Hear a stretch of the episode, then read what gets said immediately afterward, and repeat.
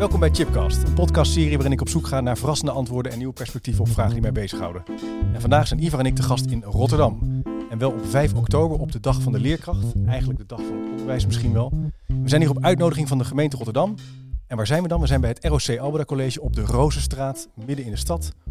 En Albeda College is een regionaal opleidingscentrum en biedt tal van mbo-opleidingen aan, zoals economie en ondernemen, zorg, sport, horeca, dans. Je kan zelfs beneden uit eten, heb ik ook eens gedaan. Kan ik je erg aanraden.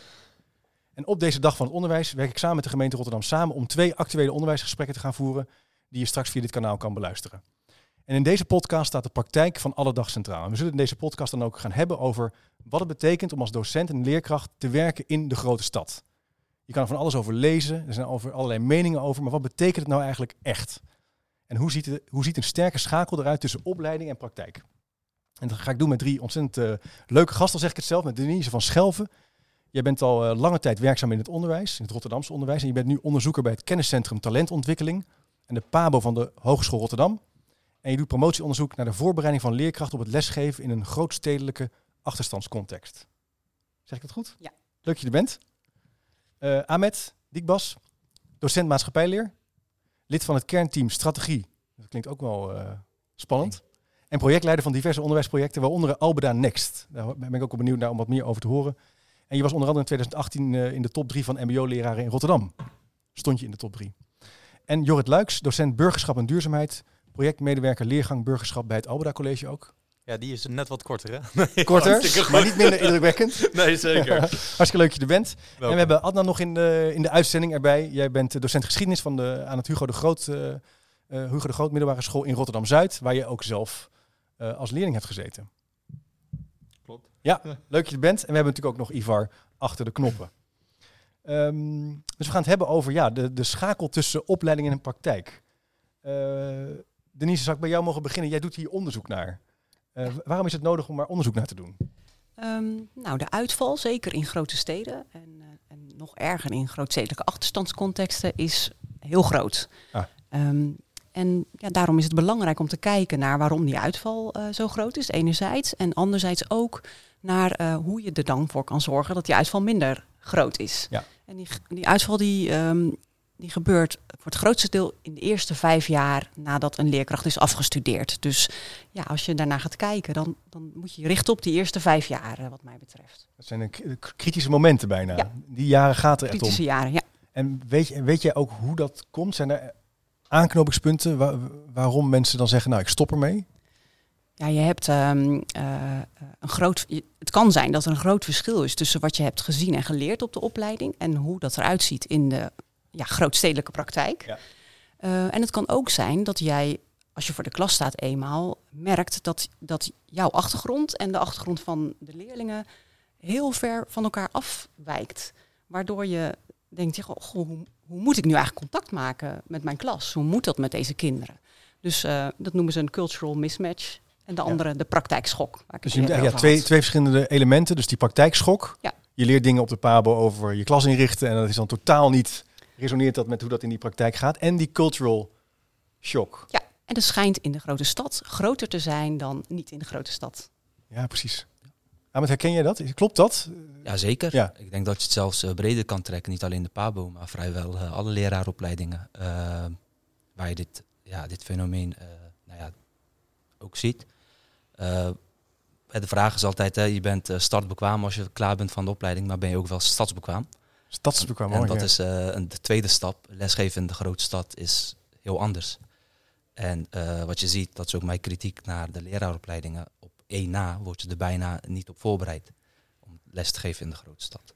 Kan je wat, wat, wat, voorbeelden geven dan? Wat, waar, wat, wat is dan iets wat je niet leert, wat je meemaakt als je als startende leerkracht hier aan het werk gaat of docent? Nou ja, uh, de, nou ja, de superdiverse, eh, de samenleving zelf. Want uh, de samenleving is superdivers. Dat betekent ook dat je ook een superdivers onderwijs hebt. Ja. Uh, als ik even voor het mbo mag spreken.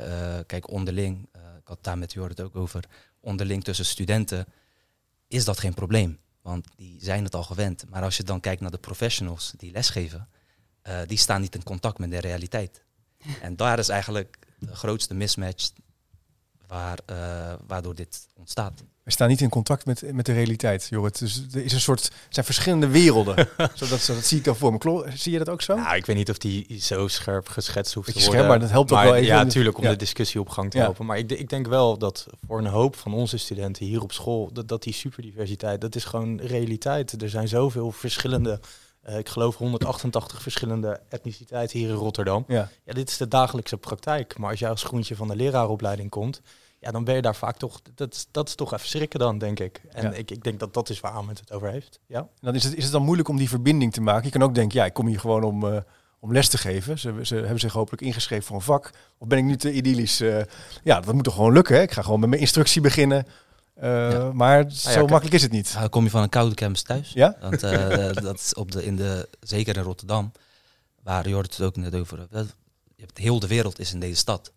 En dat vergt gewoon andere competenties, andere eh, ja, technieken die je op de huidige leraaropleidingen gewoon niet krijgt aangereikt. Op een eh, ja, verdwaalde mijner na. En één eh, leraaropleiding, nou, de leraaropleiding maatschappijleer, omdat dat in het curriculum is vastgelegd. Hè. Je hebt vakken als multiculturele samenleving, culturele antropologie. Ja. Dus je krijgt daar onbewust ook mee te maken. Maar ga maar eens naar een eh, leraaropleiding Engels of naar een lera- leraaropleiding Nederlands. Dan, ben je, echt- dan word je eigenlijk niet voorbereid Nee. op die wereld. Dus dat Nee. is een soort... Ja, er is wel, denk ik, eh, je hebt het vak pedagogisch handelen en nog een ander vak waarvan ik de naam nu even niet weet. Nee. Waar het misschien ergens wel terugkomt, maar echt dat zelf ervaren eh, en dat zelf meemaken, ja, dus ze komen voor echt, het is gewoon een shock. Ja.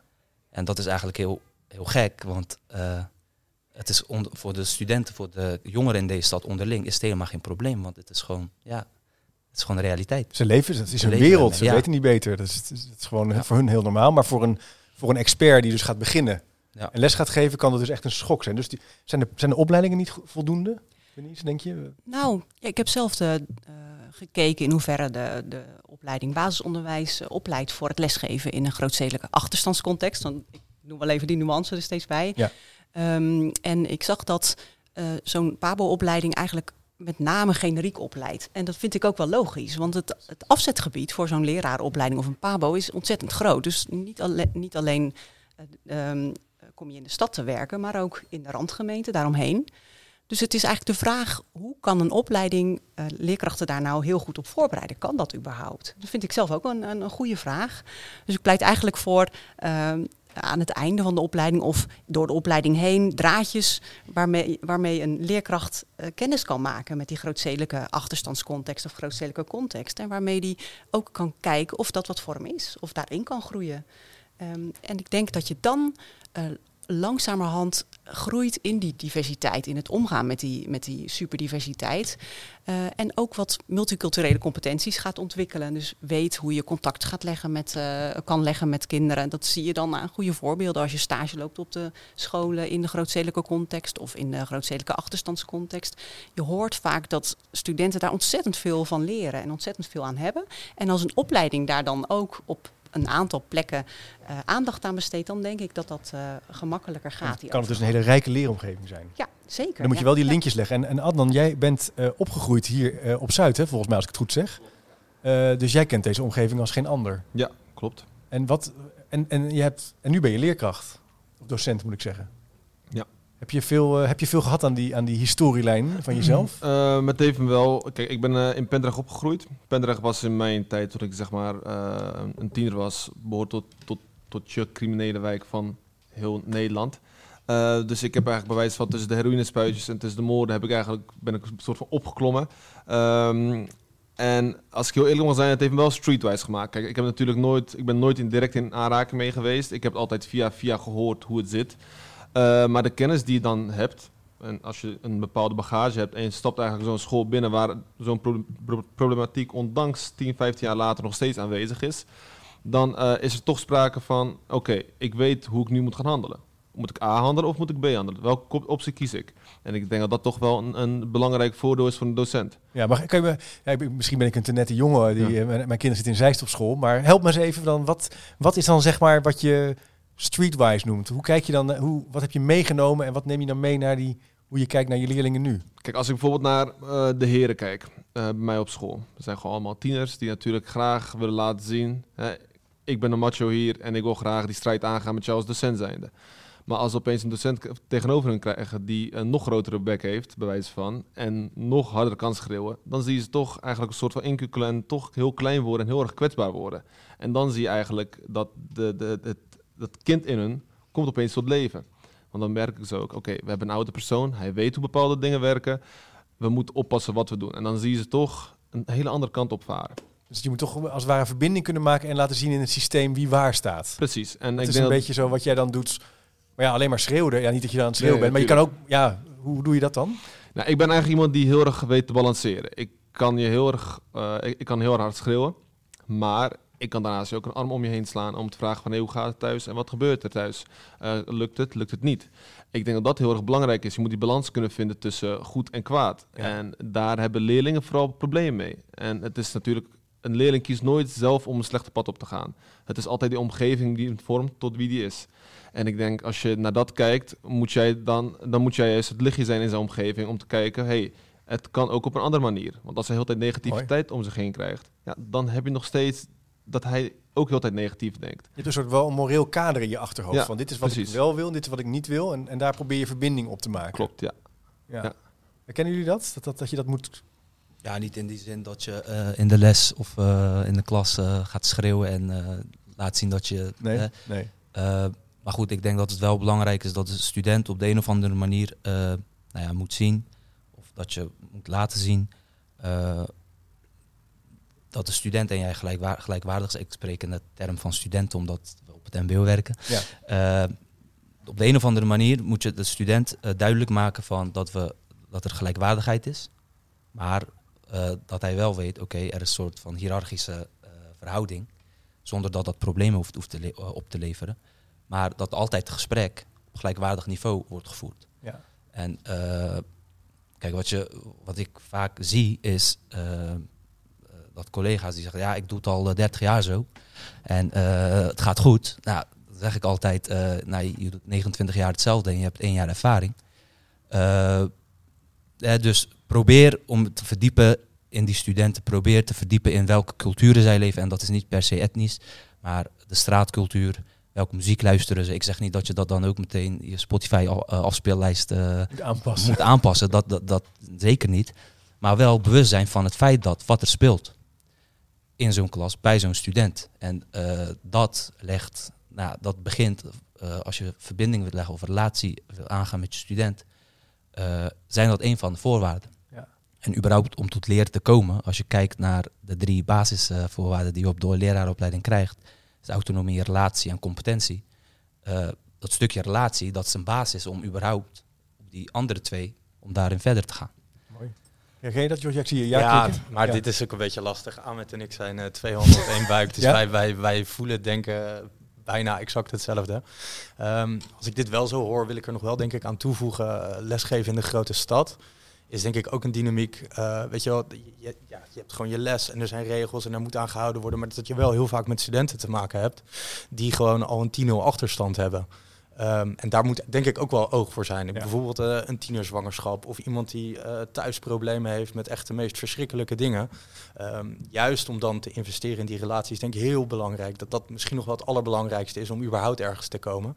En ik denk dat dat ook wel een hele belangrijke is van lesgeven in de grote stad. Dat, dat ja, je toch met een hele diverse populatie te maken heeft die ja, in, in overgrote getalen voorkomen in de probleemlijstjes. Ja. Ja, en daar moet je, daar moet je ook voor hebben, denk ik. Ja. Ja.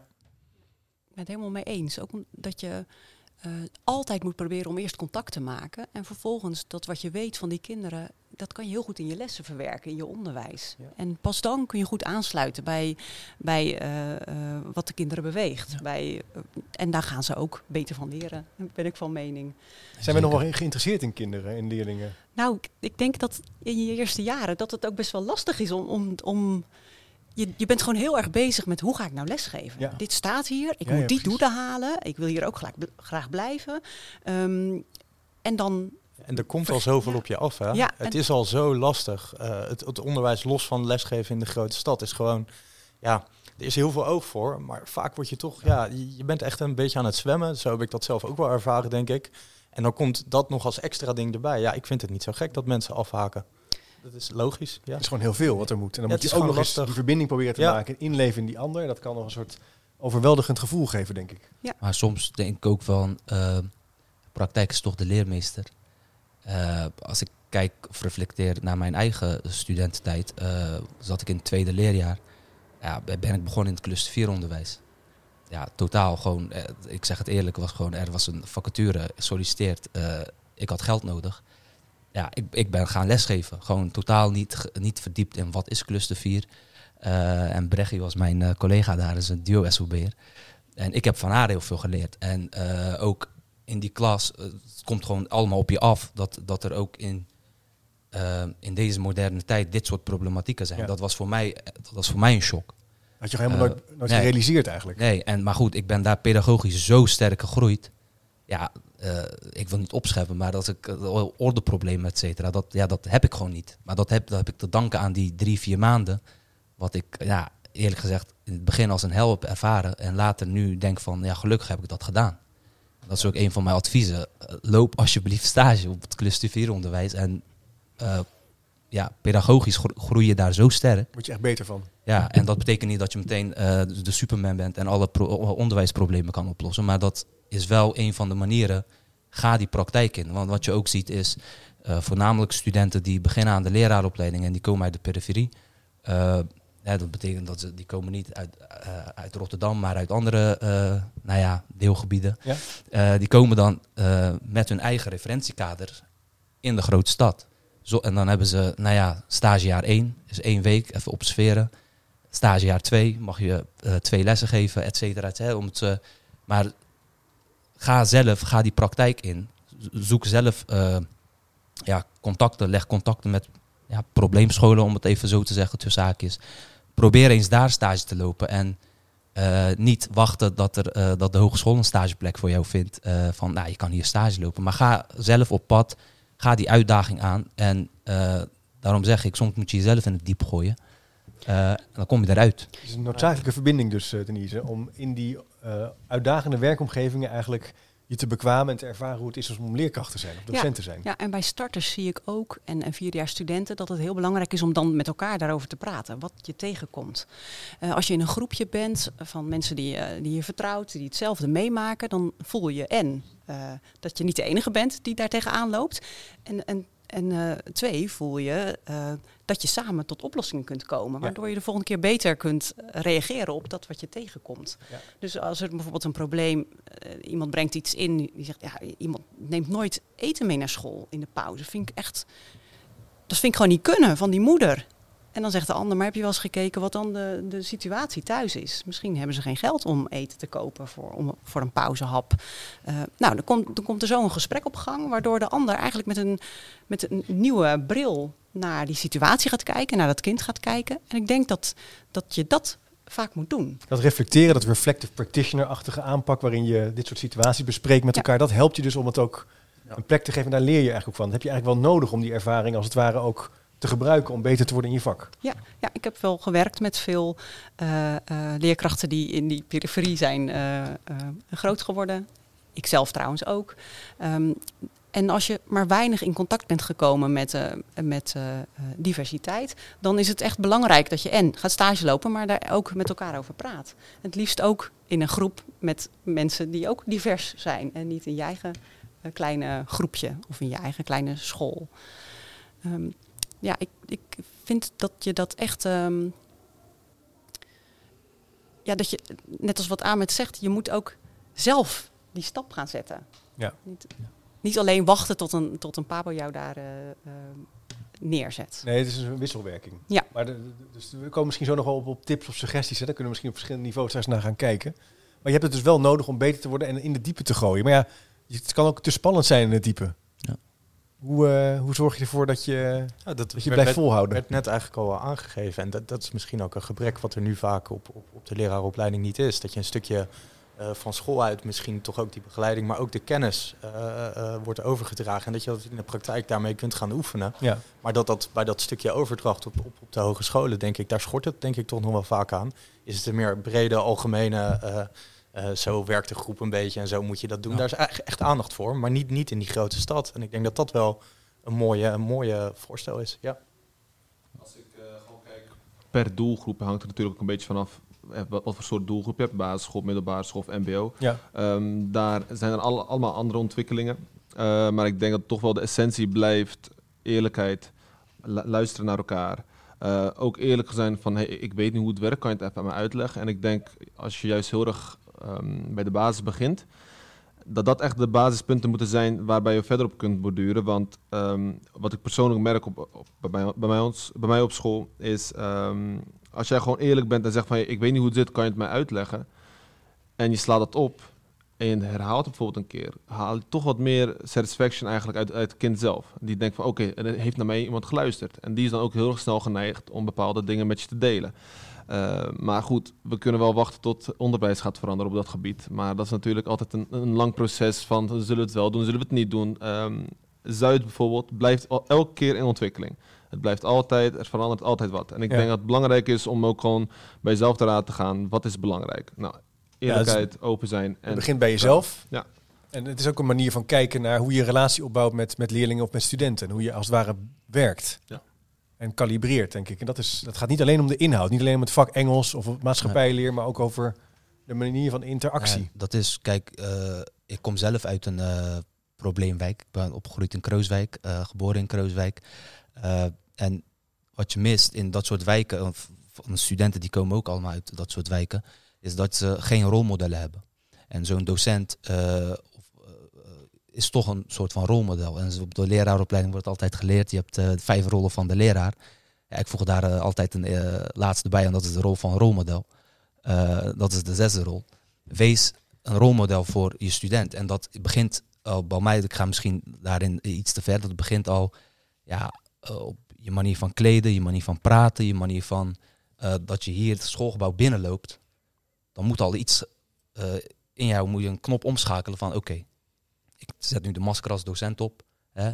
Goffman uh, schouwtoneel, die theorie van sociologie. nou, ik moet dat even daaraan denken. Maar, Ja, maar het is, het is gewoon, weet je, eh, wees een rolmodel voor je studenten. Want vaak hebben zij die rolmodellen niet in hun eigen leven.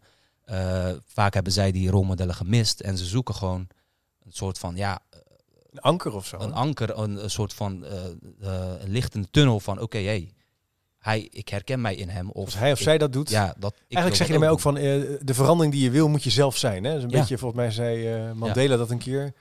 Eh, dus rolmodel zijn lead by example. Doe wat je, Ja. doe, doe wat je eigenlijk belangrijk vindt. Maar ja, ik had ze ook. Ik had ook mijn geschiedenis, docent geschiedenis op het VMBO. was een mevrouw van Tur Turkse origine. En ik dacht, hè, dat was voor mij, ik ben zelf Turks, hè, van Turkse origine. Dacht ik, dat was voor mij gewoon een fact-check van, hè, hoe kan dat? Ja, dus ik was me daar totaal niet bewust van. En door haar ben ik überhaupt de leraaropleiding gaan doen. En drie keer raden welke opleiding. Zij was ook docent maatschappijleer en ik ook. En, eh, hè, dus zij heeft mij op de juiste manier, op, de, op het juiste moment geraakt. En positief beïnvloed. Waardoor ik nu sta waar ik nu ben, zeg maar. En ik Mooi. heb altijd dat eh, ook meegekregen. En dat is ook wat ik probeer mee te geven aan mijn studenten. Is, eh, weet je, die studenten zien de docent, ja nu iets minder door corona, maar vaker dan dat ze hun eigen vader of moeder zien. En dat is, eh, als docent heb je best een verantwoordelijke taak. En vaak wordt gedacht, nou ja, eh, ik heb van 9 tot 5 heb ik een baan. Maar dat is het echt niet. Je hebt echt eh, zoveel verantwoordelijkheid. Je beseft het niet, de manier van welke woorden je gebruikt, wat je uitspreekt, hoe je zo'n student ja, eh, behandelt, heeft zoveel invloed op een student. Herken je Ja, dat, dat, is echt. en ik, ik zou willen dat nou ja, heel veel collega's daar echt bij stilstaan. Ja, mooi. Een rolmodel zijn.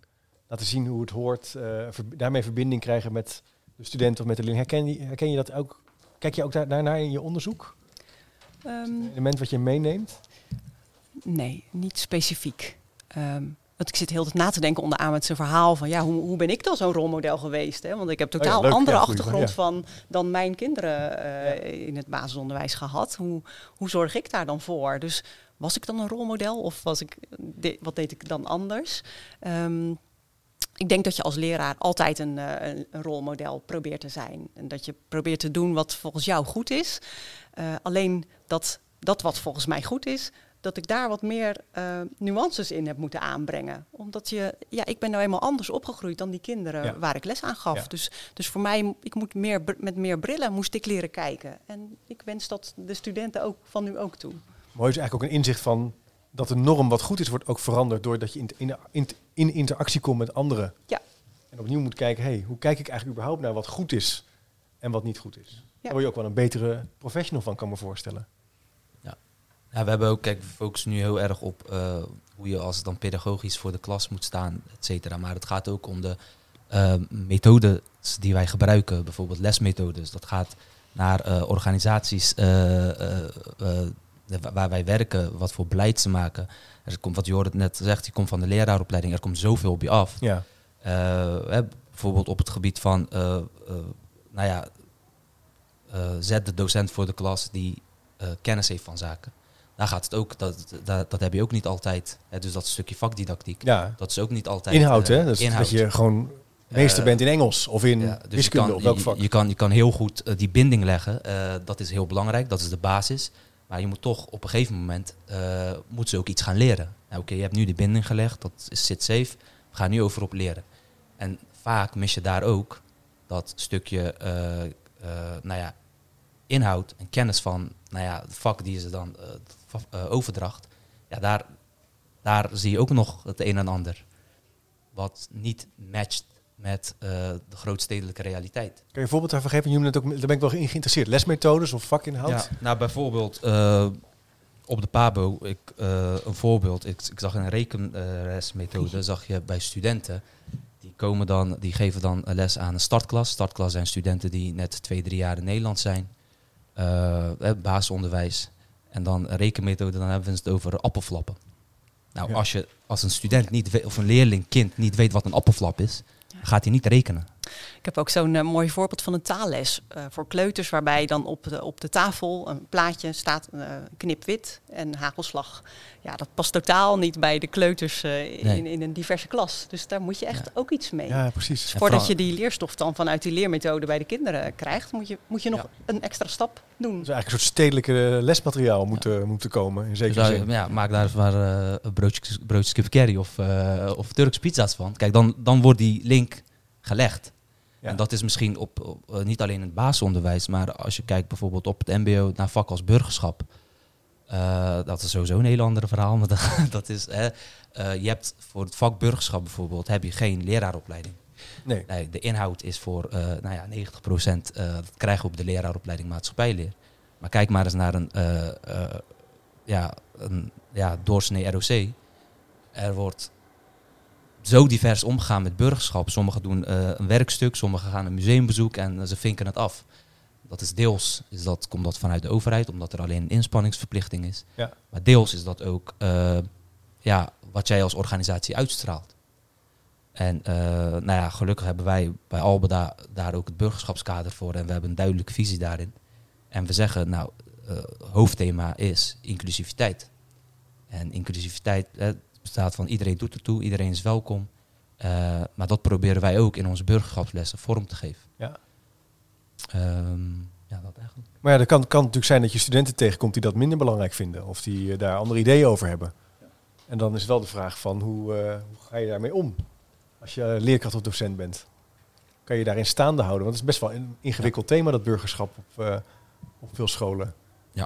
Nou, wat je, wat je ziet is, eh, tenminste, dat is ook mijn afstudeeronderzoek. eh wat ik heb verricht is eh, hoe, ehm, hoe gaan eh, het, het voeren van gesprekken omtrent maatschappelijk controversiële onderwerpen. Hoe ga je bijvoorbeeld gesprek over homoseksualiteit. Ja? Hoe voer je zo'n gesprek nou in de klas? Nou, wat je ziet is dat er zijn drie, drie indicatoren. Eén, angst voor conflicten. Eh, collega's zijn bang dat er gewoon ja, conflicten ontstaan door, door het gesprek aan te gaan. Twee, ik behandel het niet, dus het is er niet. Doen alsof het niet is. Ja. Eh, en drie, gewoon de kennis niet om überhaupt zo'n gesprek een goede baan te leiden. En Ja, dus dat zijn- bekwaamheid. Gewoon niet Juist, weten hoe gewoon moet. bekwaamheid van hoe voer je nou zo'n gesprek. En eh, vaak wat je ziet is dat zo'n docent voor de klas de stelling neemt. En Ja. daar ga je eh, sowieso in Rotterdam. Dat, Geen goed idee. Ga- ga- geen goed idee. Stelling nemen voor de klas. eh, hè, alsof, en dan presenteren alsof er in Nederland maar één waarheid is. Oh ja. Terwijl er zijn verschillende vormen van waarheden. En dat is juist de kracht in zo'n klas. eh, dat elk student zijn eigen waarheid, de mogelijkheid krijgt om zijn eigen waarheid naar voren te halen. Als het past in de norm. wat is dan de norm? Nou, dat zijn bij mij in zo'n klas, in zo'n klas, dat is eigenlijk een soort mini-samenleving, is dat, zijn dat voor mij puur de klasregels. Ja, dus een belangrijke regel bij ons in de klas is, eh, we schelden elkaars moeders niet uit. Klaar. Wa- Wat voor mening dan een student heeft over een bepaald onderwerp, dat doet er niet toe. En dat mag een student bij mij altijd in de klas ventileren. Ja, eigenlijk is het heel mooi juist als studenten dat durven te zeggen. Wat Ja. ze hierover denken, wat hun opvatting erover Ja. zijn. Want dan kan ik als docent eh, daarop inspelen en weet ik wat er met die student, wat is, eh, waar hij zich mee bezighoudt. Want als, ik kan ook zeggen, nee, dat doen we niet. Eh, wij accepteren dat in Nederland zo. eh, jouw mening, hè, dat, eh, Ja, dat dan kan je- niet. dat is Dan ben fout. ik- nee, want dan ben ik zo'n student kwijt. Ja. Dat zorgt er niet voor dat hij die denkbeelden eh, weggeeft. Nee, dan gaat hij dat ergens anders uiten misschien. Dat moet je maar wel kunnen, hè? Ja. Zo'n gesprek. Ja, in mijn onderzoek hebben we een lesprogramma gemaakt. En eh, voor, om de overgang van de opleiding naar de praktijk wat te versoepelen voor mensen, eh, voor leerkrachten die in een achterstandscontext eh, werken en gaan werken. Ehm, en een van de lessen eh, gaat ook over het onderwerp wat Ahmed eh, net vertelt. En dan, dan beginnen we altijd met, met zo'n oefening. Ga op een lijn staan als je het eens bent of, of niet eens bent. En dan zie je dat onder die leerkrachten zelf al zo'n groot verschil is van mening. En dat vinden ze zelf dat het heel vreemd om te zien. Oh ja. Dus als het gaat over bijvoorbeeld homoseksualiteit, hoe ver ga je dan als leerkracht in de klas met dat te bespreken? Geef je wel of niet je eigen mening? Daarop Dus zie je al verschillende opvattingen. Ja, en dat alleen al is al heel mooi om te zien eh, voor, die, voor die leerkracht om naar elkaar te kijken. Van, oh, het kan dus ook dat je als leerkracht een andere mening hebt over dit. Of eh, zeg jij dan niks over je eigen mening? Of nee, dat doe ik, dat doe ik juist niet. Of zeg jij dan wel wat over je eigen mening? Nou, dat is, dat is het startpunt zeg maar, van die les. En daar, daarna gaat het eigenlijk alleen maar steeds verder. Hoeveel verschillen er in de klas dan wel niet zijn en die naar boven kunnen komen. Hoe je ermee omgaat als je zelf een andere mening hebt als leerkracht. Eh, of Ik- misschien helemaal niet, niet weet waar het over gaat, precies. Nou, alle dingen, die drie dingen die jij noemt. Ja, Ja. Ken je dat, Jorrit? Dat er dus verschillende opvattingen al zijn in je team, in je school. Ja, Eigenlijk ook weer een, een samenleving op zichzelf, zou je kunnen Ja, zeggen. nee, tuurlijk. Dat herken ik wel. Eh, dat, dat zie je. Maar de- daar moet denk ik ook wel ruimte voor zijn. Ja. Eh, Ja. Maar ik denk wel, eh, zeker op teamniveau, als je een, een onderwijsteam hebt, ehm, ja, er moet ruimte voor verschil, verschillen zijn, net zoals dat er in de klas ook is. Maar ik denk wel dat het altijd goed is om een soort van basis wel met elkaar af te spreken. Ja. Want ja, je hebt gewoon regels op school waar iedereen zich aan houdt. Ja. Eh, het- maar dat, er moet een basis zijn en binnen die basis mag het alle kanten op gaan natuurlijk. Maar ik denk zeker als docent, als onderwijsteam, dat het wel belangrijk is om, om ja, dat ook te onderzoeken, denk ik. En daar aandacht aan te besteden. Want als je echt allemaal heel verschillend bent en ook alles, dat, dat, dat werkt denk ik ook niet. Dus er moet Nee, een soort dus een norm- grondhouding zijn. Een uitgangspunt, een moreel kader schetsen. Ja, Aan de andere kant moet je ook het vermogen hebben om naar die kinderen of leerlingen of studenten toe te gaan. En dat is eigenlijk constant het spel of de beweging waarbij je als het ware het ook, eh, ook eh, met je vak kan bezig zijn. En daardoor kan je natuurlijk ook kennis overdragen en iets ze laten leren of laten ervaren. Ja. Om dat, om dat te kunnen doen is het dus van belang dat zo'n organisatie burgerschap hoog in het vaandel heeft staan. Ja, En eh, dat is ook wat wij met ons burgerschapskader en ons burgerschapsvisie proberen te realiseren is. Een van, de, een van onze uitgangspunten is professionalisering van docenten die het vak verzorgen. Eh, een van de dingen die wij eh, vormgeven en die van ja- in januari in start gaat, die Jorrit en ik samen mogen nou ja, verzorgen, is de leergang burgerschap. Voor onze dus hebt- want dat wil, wil ik even, kan ik misschien een bruggetje Ja. maken naar op drie. Je kan dus eigenlijk op macroniveau kijken naar dit vraagstuk. Ja. Samenlevingsniveau. Maar jij, dit wat jij zegt is een beetje op organisatieniveau, dus Ja. mesoniveau. Ja. Eh, laten we even bij macroniveau beginnen. Wat zouden we landelijk gezien, eh, wat zou nou belangrijk zijn als je die, die schakel tussen opleiding en praktijk beter wil maken? Wat zouden we landelijk gezien eh, moeten kunnen voorstellen of moeten kunnen implementeren? Want dan heb jij daar ideeën over misschien. Ik zie je hard denken hoor. Misschien zet ik je voor het blok. Dan kunnen we ook door. Maar Ehm, ja, Zouden ik, we daar ik- nou- Ik, vind, ik vind het een ehm, lastige vraag. Want eh, wat kan je het beste doen is gewoon door het zelf te ervaren. ja, dat is, mi- zou je kunnen zeggen, dat is echt een micro-perspectief. Zeg van, ja, Als klopt. leerkracht moet je dat gewoon erv- ervaren, je daarin professionaliseren. klopt. Ja. Maar eh, vanuit, ja... Ik probeer echt te kijken, ja, wat je zegt. Ik Nou, misschien niet, want jij bent maar- natuurlijk ook als wetenschapper zit je Ja. zo ook een beetje bewust er ook wel wat Ja. meer eh, op afstand naar te kijken. Nou, ja, ik moet gelijk denken aan het professionaliseren van lerarenopleiders hierbij. Ik weet Ja. niet of dat maakt wel genoeg is. Nou ja, Ja. denk ik wel. Ja, dat, het lijkt ook wel een beetje. Ja. Ja, nou, het, is, het blijkt best lastig te zijn voor lerarenopleiders om studenten, eh, dus aankomstige leerkrachten en leraren, voor te bereiden op een leerlingpopulatie die ze zelf niet zo goed kennen. En ik denk dat we daar eh, eh, over alle pabo's gewoon meer aandacht aan kunnen besteden. En, en over een, eh, ik denk dat de, dat de studentpopulatie, zeker op leraaropleidingen, zeker nog niet zo divers is eh, als de leerlingen waar, ze aan gaan, waar die eh, eh, leerkrachten in opleiding aan gaan lesgeven. Dus die, die dubbelstap, die kunnen zij pas goed maken als ze ook zelf meer weten van die leerlingpopulatie. Dus ik denk Ja. dat je daar eh, goed aandacht aan moet besteden. Dus we moeten ook gewoon meer eh, eh, talentvolle eh, studenten, leerkrachten in opleiding krijgen. Uit de plek waar we ook later les gaan geven. Dat is, en, en we moeten, als je dus niet uit die populatie komt, beter leren je Ja. te verhouden tot. Ja, en dan nog een stapje hoger, dus de lerarenopleiders. En dan, en precies, Ja. dan nog de opleiders. Ja, ja. Ja. dus een soort driestap. Ja, ja. Ja. ja, Maar duidelijk. ik denk Ja. dat je daar wel een vierstap van kunt maken. Want als je kijkt ook naar het managementniveau niveau op, op de hogeschool bijvoorbeeld.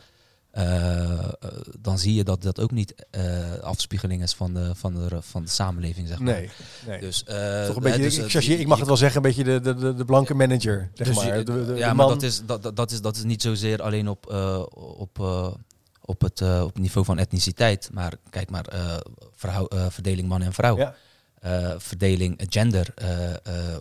als je kijkt naar de top van, van dat soort organisaties.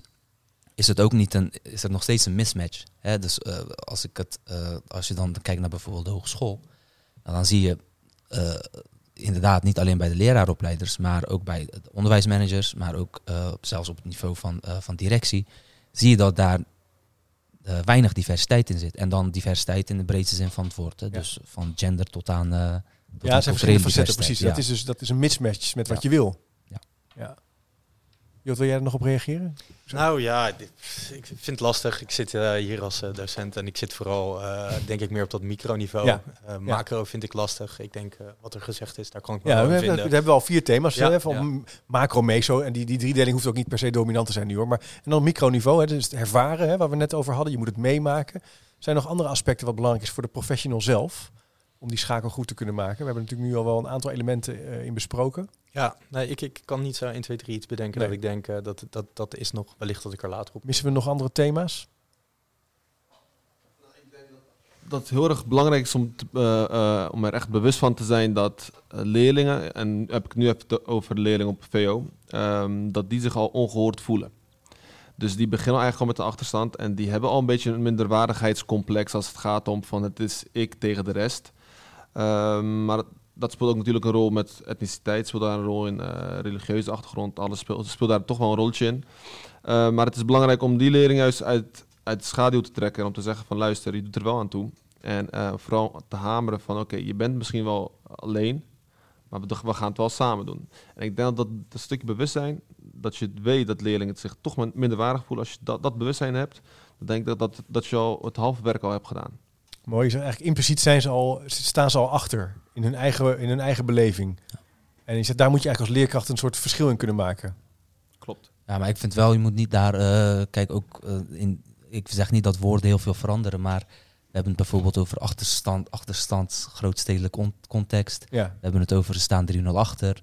Dat zijn allemaal dingen die eh, onbewust invloed hebben. ja is, een beetje is wel een negatieve Dus, connotatie. wat ik, eh, nee, het- is niet achterstallig grootstedelijk context. Het is gewoon grootstedelijk context. En Ja. dat is de realiteit. Ja. Punt. Ja. En als we steeds maar focussen op dat met negatieve benamingen, dat heeft wel effect op, op het probleem zelf. Zeg maar, snap je? Dus we zien het als een probleem. Maar oké, wat, wat gaan we nu dan doen? Ja. En vaak zijn daar heel veel kansen in. En je moet eigenlijk soort, ik zeg altijd, eh voel van die micro-revoluties. En dat begint al bij hoe wij dingen benoemen. Mooi. Kleine Eh, revoluties, k- micro Kleine revoluties. En eh, kijk, dat, dat, kan, dat kan zijn de, de dingen hoe wij het benoemen, dat veranderen. Maar ook kijk het vanuit de positieve kant. Oké, wat gaan we nu wel doen? Ja. Wat voor kansen hebben zij wel? Ja. Hoe kan je die talenten wel benutten Ja. die ze hebben? Dat, dat, die zijn er vooral. Hè? Die, zijn, en die zijn, die zijn er Dus je zeker. kan het bestuderen, dan helpt het om dit soort thema's wel hè, te analyseren. Maar je zegt, als je met die kinderen, studenten aan de gang gaat, benader het ook positief, kijk wat er wel kan. En zorg dat je die verbinding kan maken. En dan gaan we gewoon zorgen voor eh, een oneindig aantal micro-revoluties. Mooi. Leuk om met jullie van gedachten over te wisselen. Er is natuurlijk wel meer over te zeggen. En een spannend thema, denk ik. Eh Ivar, heb jij nog, eh, heb ik nog bepaalde vragen of thema's? ben ik nog wat vergeten? Check altijd even bij Ivar of ik wat ben vergeten.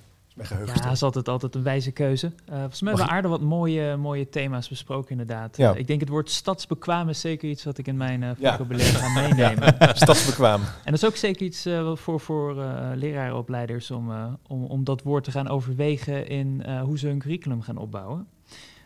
Want jullie maakten ook de punten, er zijn andere competenties nodig. Daar hebben we een paar van besproken. Ja. Ehm, eh, hoe je omgaat met, met studenten in gelijkwaardigheid en toch een hiërarchie op een bepaald niveau. Eh, dat je ook moet kijken waarom bepaalde dingen gebeuren. Eh, als er dingen gebeuren waar misschien eh, niet een hele prettige situatie vindt. Een leerling komt laat of die komt boos binnen. om dan niet meteen daar straf op te gooien, maar ook te vragen waarom is dat dan? Kunnen, kunnen we hier een, een oplossing voor vinden? Ehm, ook het zijn van een rolmodel als leraar, dat het ook een belangrijke plek heeft in het leraarschap. Ehm, en ook aspecten eh, wat kleiner, bijvoorbeeld lesmateriaal, hoe dat ook eh, eh, eh, bepaalde connotaties of Ja. culturele verwantschap kan hebben. En ik denk dan uiteindelijk, nu we dat met het woord microrevolutie aankomen, eh, dat het uiteindelijk toch wel gaat om heel veel kleine schakels die toch een grote impact kunnen Ja. hebben. Haal ik zo uit dit gesprek. Ehm, ja. Kan je nagaan. Heel mooi samenvatting. samengevat. Dankjewel, Ivar.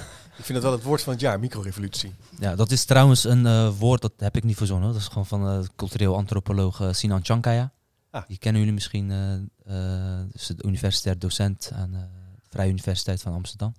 Is ook gepromoveerd in etnisch profileren. Heeft hij in de kaart gebracht bij politie Amstel Amsterdam. Ja. En hij heeft het ook in zijn boek en ook in zijn ja, hele ideologie over dat het elke dag uitvoeren van microrevoluties. Prachtig. En dat is niet alleen op school, maar gewoon in je leven als het persoon gewoon. Soms tegen nou ja, schenen aantrappen. En soms, ja, van, weet je, eh, verandering kost tijd, eh, doet pijn. Maar goed, eh, Het begint klein, hè? Het begint klein, ja. het, Nou, ik hoop voor degene die nu luistert dat het een kleine microrevolutie teweeg heeft gebracht. Wie weet, hè? Als je nog meer informatie wil over een aantal links zoals dit boek, kijk ook even op de Chipcast website, chipcast.nl. Zullen we daar ook even een, een linkje naar plaatsen. Bedankt voor het luisteren. Eh, Denise, Ahmed, Jorrit, Adnan, eh, leuk dat jullie in de, in de studio, of ja, mobiele studio in Albeda, eh, op het Albeda College wilden komen. In een theorielokaal wel te verstaan. Dus dat betreft ontzettend leuk. Ik zeg bedankt voor het luisteren en tot de volgende keer maar weer. Nog een kleine nabrander, beste luisteraar. Ja, nee, natuurlijk. Waar we het nog niet over gehad hebben, is dat wij eh, als Albeda eh, ja, zeker die burgerschapsopdracht ontzettend serieus nemen. Eh, dat we daar eh, een voorbeeldfunctie in willen vervullen voor andere ROC's. eh, en dat we daar een visie op eh, geschreven hebben. Eh, dus echt, eh, waar willen we naartoe met ons burgerschapsonderwijs? Dat dat niet alleen maar een vak is eh, wat een uurtje of soms nog erger, maar gewoon één dag in het jaar ingeroosterd wordt. Maar dat het iets wat op beleidsniveau gedragen wordt, wat in onderwijsteams leeft, eh, waar we gewoon iedere dag mee aan het knallen zijn. Ehm, en eigenlijk hebben we in, in de visie schrijven we dat we eh, het liefste zouden willen dat als een Albeda-student klaar is en hij loopt hier in de stad Rotterdam rond, dat je eigenlijk aan zijn gedrag, aan de manier hoe hij in de samenleving staat, zou kunnen aanwijzen: hé, hey, die jongen of dat meisje, die heeft op Albeda gezeten. Kijk. Ehm, en eh, ja, daar spannen we ons onwijs hard voor in. Kunnen we Eh, ergens die visie eh, nalezen nog? ja, zeker. www.albeda.nl. slash burgerschapskader, denk ik, is hem. Ehm, en eh, ja, wij doen heel veel om, om die visie ook te uiten. Een van de dingen is dat we eh, heel graag al onze docenten willen professionaliseren. Dus allerlei professionaliseringsbijeenkomsten om eh, ja, die burgerschapsdocenten gewoon aan de slag te krijgen. We hebben een leergang ontwikkeld, of daar zijn we nog mee bezig, eh, om docenten ook weer bij te scholen om beter te worden. We hebben een online platform ontwikkeld eh, waar we lesmateriaal met elkaar delen.